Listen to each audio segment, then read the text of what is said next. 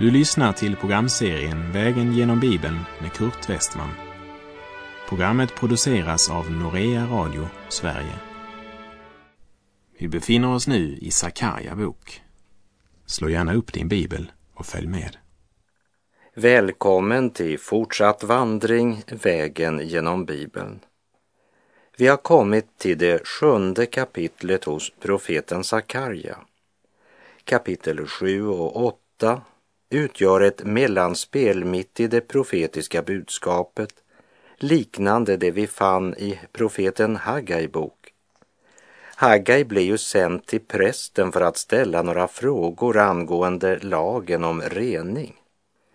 När något som har renats rör vid något som är orent, blir det orena då rent? Och svaret är naturligtvis nej. Och när något som formellt är orent rör vid det rena, blir det rena då orent? Svaret är ja. Och här i kapitel 7 och 8 i Sakarja bok så behandlas samma tema från ett litet annorlunda perspektiv. Vi läser Sakarja 7, vers 1. I kung Darejaves fjärde regeringsår kom Herrens ord till Sakarja på fjärde dagen i nionde månaden, som är månaden Kisleu. Vi ska än en gång lägga märke till att budskapet Sakarja här förmedlar till sitt folk. Det är inte något som Sakarja har hittat på. Initiativet är hos Gud. Gud har något att säga och det är ett mycket viktigt budskap. Sakarja fick detta budskap i det fjärde året av kung Darejaves regering i månaden Kislev, på fjärde dagen. Alltså i december månad i förhållande till vår almanacka. Det var vid samma tid som Haggai talade sitt högst praktiska budskap till folket. Vi läser Sakarja 7, vers 2. Från Betel hade då Sareeser och Regemelek med sina män blivit sända för att bönfalla inför Herren. Templet, Herrens hus, fanns inte i Betel. Betel var den välkända staden i Efraim som var centrum för avgudsdyrkan, där man tillbad avgudarna som Jerobeam hade satt upp där. Betel låg i bergsbygden cirka 17 kilometer från Jerusalem. Det låg alltså i Nordriket Israel. Och Jerobeam som var Nordrikets första kung gjorde Betel till rikshelgedom. Vers 3. Det skulle nämligen fråga prästerna i Herren Sebaots hus och profeterna följande skall vi gråta och fasta i femte månaden som vi gjort i många år.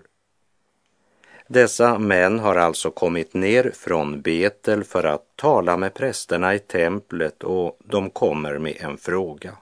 Och frågan var, är ritualet vi har hållit på med så länge rätt eller fel? Folket hade börjat fasta före fångenskapet i Babylon och de hade fortsatt att göra så under fångenskapen. Den 137 salmen säger Vid Babels floder satt vi och grät när vi tänkte på Sion. I pilträden som fanns där hängde vi upp våra harpor. De var i främmande land och de hade kommit på sidan om Guds plan och plågades dagligen av en grym fiende och man hade inget hopp om att bli fri. Fienden var för stark och sången hade tystnat. I pilträden hade de hängt upp sina harpor. Vid Babels floder hade de gråtit ut sin nöd för Herren och det hade blivit ett religiöst ritual. Men Gud hade aldrig gett dem några fastedagar utan Herren hade påbjudit festdagar.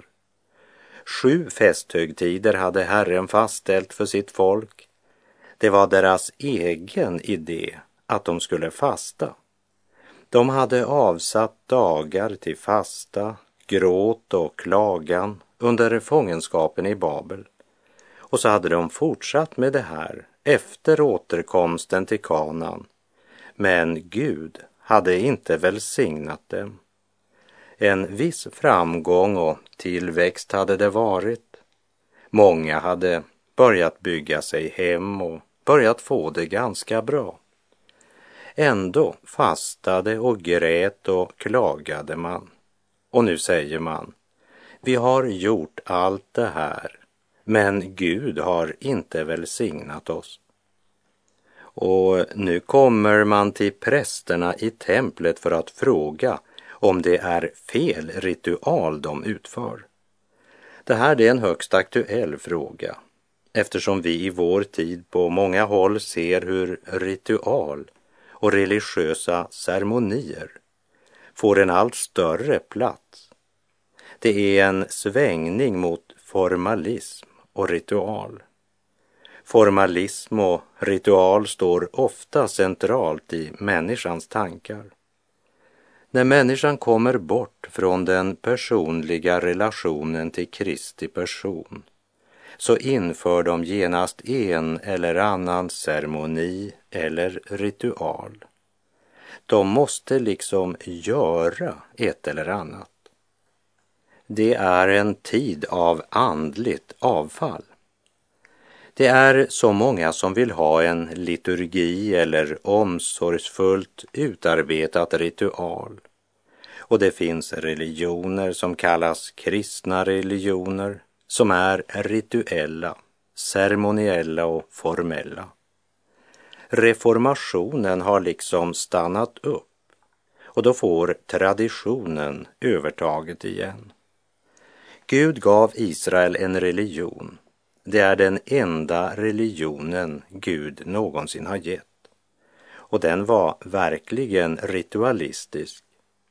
Det kunde inte vara annorlunda eftersom Guds ande inte var utgjuten i det troendes hjärtan på den tiden.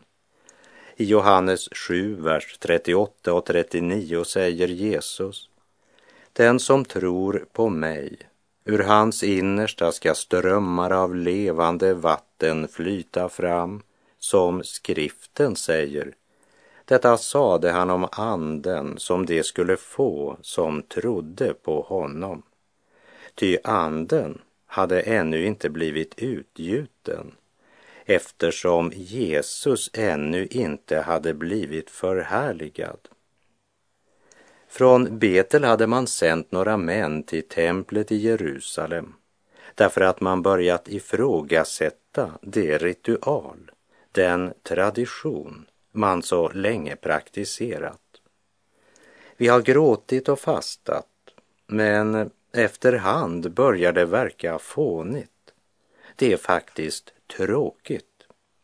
Det är ju trots allt ett religiöst ritual vi går igenom, men det ger inga resultat, inga förvandlade liv. Ska vi ändå fortsätta med det här? Det fanns säkert också de som inte kunde tänka sig att ifrågasätta den gamla traditionen. Så här har vi alltid gjort, som man brukade säga. Men den som är sann söker något mera än en trygg form eller ett religiöst ritual. Och därför tycker jag att det är välsignat att läsa om Sareser och Regemelek som kommer med sina män för att fråga prästerna i templet de höll inte automatiskt fast vid en gammal tradition. Och inte heller förkastade de automatiskt en tradition bara för att den var gammal. De kommer för att få svar på frågan genom att bönfalla inför Herren.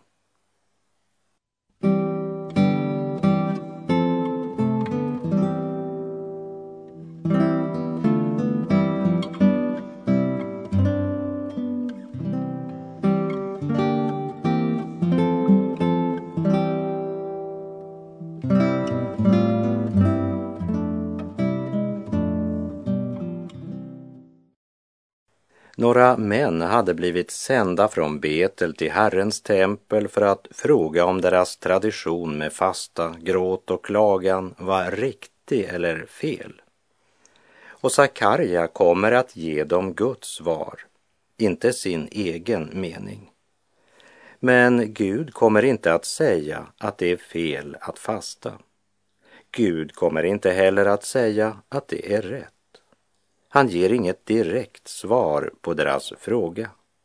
Och vi kommer att upptäcka att svaret på frågan om ritual faktiskt är trefaldigt. Om hjärtat är rätt inför Gud är ritualet rätt. Verserna 4 till och med 7. Det andra svaret är att när hjärtat inte är rätt så är ritualet fel. Verserna 8 till och med 14. Det tredje svaret det finner vi i kapitel 8 och det är att Guds plan med Jerusalem förändras inte av något ritual. Och det skulle vara svar nog till alla dessa som säger låt oss göra det eller det för att påskynda Jesu återkomst. Kära vän, du kan inte påskynda hans återkomst en sekund genom det du gör. Vet du inte vem som styr universet, vem som sitter på tronen, vem som genomför sin plan? Vad du gör eller inte gör kommer inte att störa hans gudomliga program. De som kom från Betel verkade tro att ett ritual skulle vara något med vilket man kunde förändra Guds sätt att handla. Men i kapitel 8 kommer Gud låta dem få veta att han tänker genomföra sin plan efter sin fullkomliga, eviga vilja. Därför skriver också Petrus i sitt andra brev kapitel 3, vers 8 och 9. Men glöm inte detta, mina älskade, att en dag för Herren är som tusen år och tusen år som en dag. Herren dröjer inte med att uppfylla sitt löfte som en del menar. Och Hebreerbrevet 10, vers 36 och 37 säger ni behöver uthållighet för att göra Guds vilja och få vad han har lovat. Ty ännu en kort liten tid så kommer han som skall komma och han skall inte dröja. Gud är på tronen ännu och han genomför sin plan i sin tid. I Sakarja 7, vers 4 och 5 säger Sakarja då kom Herrens ord till mig, han sade, säg till allt folket i landet och till prästerna, när ni nu under 70 år har fastat och klagat i femte och sjunde månaden, har det då varit för mig ni har fastat? I augusti och oktober hade de fastat varje år, hela den tid de hade varit i fångenskap. Men nu kommer Gud med en konkret fråga. Var det jag som var i centrum för er fasta? Eller var det själva handlingen ni trodde var viktig? Gjorde ni det för mig, för att ära mig och prisa och upphöja mitt namn? Eller gjorde ni det som en laggärning ni utförde därför att det blivit en tradition att göra det? Trodde ni att ni genom detta kunde bygga upp något som gjorde er acceptabla för mig och att jag skulle välsigna er på grund av det ni gjorde? Gud varken fördömer eller godkänner ritualet.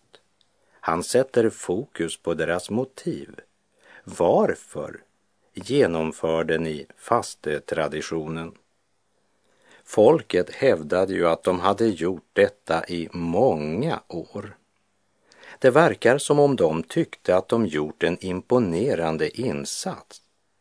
Vi kan liksom läsa mellan raderna att i verkligheten så hade tillbedjan av Gud blivit en tung plikt som tråkade ut dem. Och det är som om Gud säger, om ni verkligen önskar veta sanningen så kan jag tala om att jag var också trött på er. Och jag tror att det är en hel del gudstjänster och samlingar som Gud sörjer över och säger, Tja, nu börjar de igen med sin exercis. Och det värsta av allt, de inbillar sig visst att det är till mitt behag. Hur ska jag få dem att förstå att gudstjänst, det är först och främst en hjärtesak? Vi läser Sakarja 7, vers 6. Och när ni äter och dricker, är det då inte för er själva som ni äter och dricker? Gud säger, det var inte kärleken till Gud som fick er att fasta. Och när fastan var över rusade ni till matborden och frossade i mat och dryck. Paulus han skrev så här till de troende i Korint, första Korinterbrevet 8, vers 8. Men maten för oss inte närmare Gud. Äter vi inte förlorar vi ingenting och äter vi vinner vi ingenting. Och lite senare i första Korinthierbrevet 10.31 skriver han Om ni äter eller dricker eller vad ni än gör så gör allt till Guds ära. Om du kan fasta till Guds ära så skall du fasta, min vän. Det ligger en rik välsignelse i en rätt fasta. Men om du fastar därför att du upplever det som ett krav eller för att du tror dig kunna uppnå något hos Gud genom din fasta, så låt bli. Tron på Kristus, det är inte en söndagssysselsättning. Att hålla vilodagen helig, det har i högsta grad att göra med hur vi lever vårt liv i vardagen. I sista delen av Sakarja kapitel 7 kommer Gud att ta itu med Israel och konfrontera dem med hur de handlar när det gäller deras affärer, deras sociala kontakter och vad de förnöjer sig med och har sin glädje i. För det var på dessa områden som det blev uppenbart att de inte alls levde inför Herrens ansikte eller i sann Guds fruktan, utan i själviskhet, kamouflerad bakom religiösa ritual. Det är något långt viktigare än ritualets form som avgör hur rätt ritualet är eller inte. Sakarja 7, vers 7. Har ni inte hört det ord som Herren lät predika genom forna tiders profeter? Medan Jerusalem levde i lugn och ro med sina städer omkring sig och medan sydlandet och låglandet ännu var bebodda. Innan Jerusalem blev ödelagt så hade Gud förkunnat vad som skulle ske om de inte vände om. Men de fortsatte med sina religiösa ritual medan deras hjärtan var långt borta från Gud. Inte ens under tiden i fångenskap sökte de Gud, utan man hängde harporna i pilträden, slutade sjunga och man grät och klagade samtidigt som man fortsatte med sina religiösa ritual. Och när de återvänt till Jerusalem fortsatte de på samma sätt. Därför undrar Gud, har ni inte hört det ord som Herren lät predika genom forna tiders profeter? Herren hade tydligt låtit det profetiska budskapet ljuda genom sina profeter. Gud hade låtit varningsropet höras. Han talade om att Jerusalem skulle ödeläggas på grund av deras synder om de inte vände om. Men de ville inte höra, ville inte lyda Herren. Och nu satt Israels folk med facit i hand. Det hade gått precis som Herren hade förutsagt. Jerusalem blev ödelagt. Folket blev bortfört i fångenskap. Det är som Gud säger. Ni har inte bara sett uppfyllelsen av det profetiska budskapet. Några av er har erfarit allt det här i era egna liv och ändå vänder ni inte om. Har ni inte hört det ord som Herren lät predika genom forna tiders profeter? Visst hade de hört och visst hade de nickat bifallande till de profetiska sanningarna. Men de handlade inte därefter. De var bara ordets hörare. De blev aldrig ordets görare. Men de menade sig vara Guds folk. De var ju så duktiga på att genomföra alla sina religiösa traditioner. Man var noga med gudstjänstordningen. Det var bara hjärtat man glömde.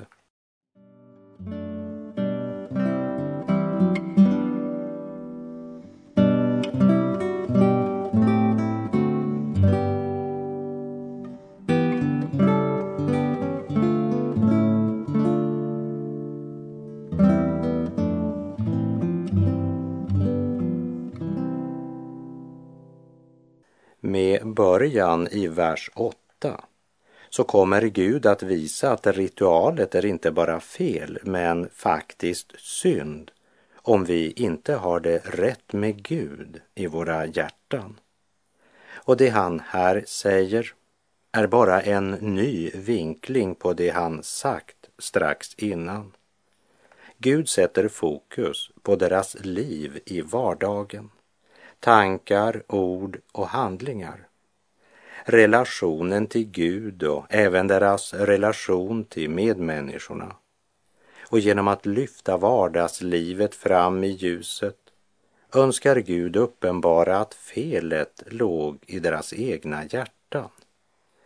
Att tro är att ge Gud rätt. Tänk om vi kunde inse att alla tider och händelser är en kallelse till oss att vända oss till Gud och be om hans svar, hans hjälp och hans barmhärtighet. Kära vän, det är fel att tro att vi kan tjäna Gud genom ett ritual eller en gudstjänstform om vi inte har det rätt med Gud i våra hjärtan. Det Herren Jesus sa till Simon Petrus efter uppståndelsen är något av det mest underbara jag läser i skriften. Vet du vad jag hade gjort om jag varit i Jesus ställe när Petrus kom fram till mig? Jag skulle säkert ha skällt ut honom för att han förnekat mig och låtit honom veta vad slags kar han var. Men Herren Jesus säger till honom, Petrus, älskar du mig? Kära vän, det är inte ett ritual du går igenom, men det är din hjärterelation till Jesus som är det viktiga för honom. För somliga församlingsmedlemmar så är det gudstjänstformen som utgör deras trygghet. Och tron består i en livlös form, ett liturgiskt system med ett flödande ordsvall.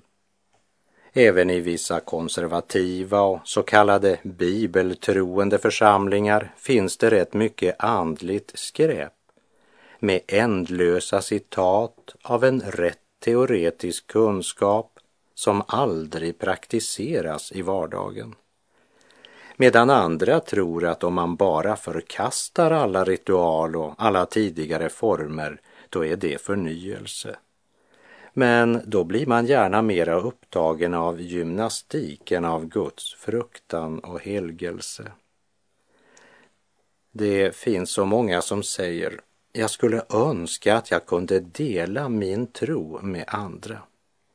Medan sanningen tyvärr ofta är den att de har inte tillräckligt tro för att dela den. Det är inte din tro du ska dela, eller hur fantastisk du är, eller vilka underbara ting Gud har gjort för dig. Du ska vittna om Herren Jesus Kristus, vem han är och vad han har gjort för dig. Lukas 24.46 återger följande ord av Jesus. Det står skrivet att Messias ska lida och på tredje dagen uppstå från de döda och att omvändelse och syndernas förlåtelse skall predikas i hans namn för alla folk med början i Jerusalem. Ni är själva vittnen om detta. Och se, jag ska sända er vad min fader har lovat men ni ska stanna här i staden tills ni blivit beklädda med kraft från höjden. Sedan förde han dem ut till Betania och han lyfte sina händer och välsignade dem. Omvändelse och syndernas förlåtelse ska predikas i hans namn för alla folk, säger Guds ord. Låt oss hålla oss till det. Eller som Paulus skriver i Första Korinthierbrevet 15, vers 3 och 4.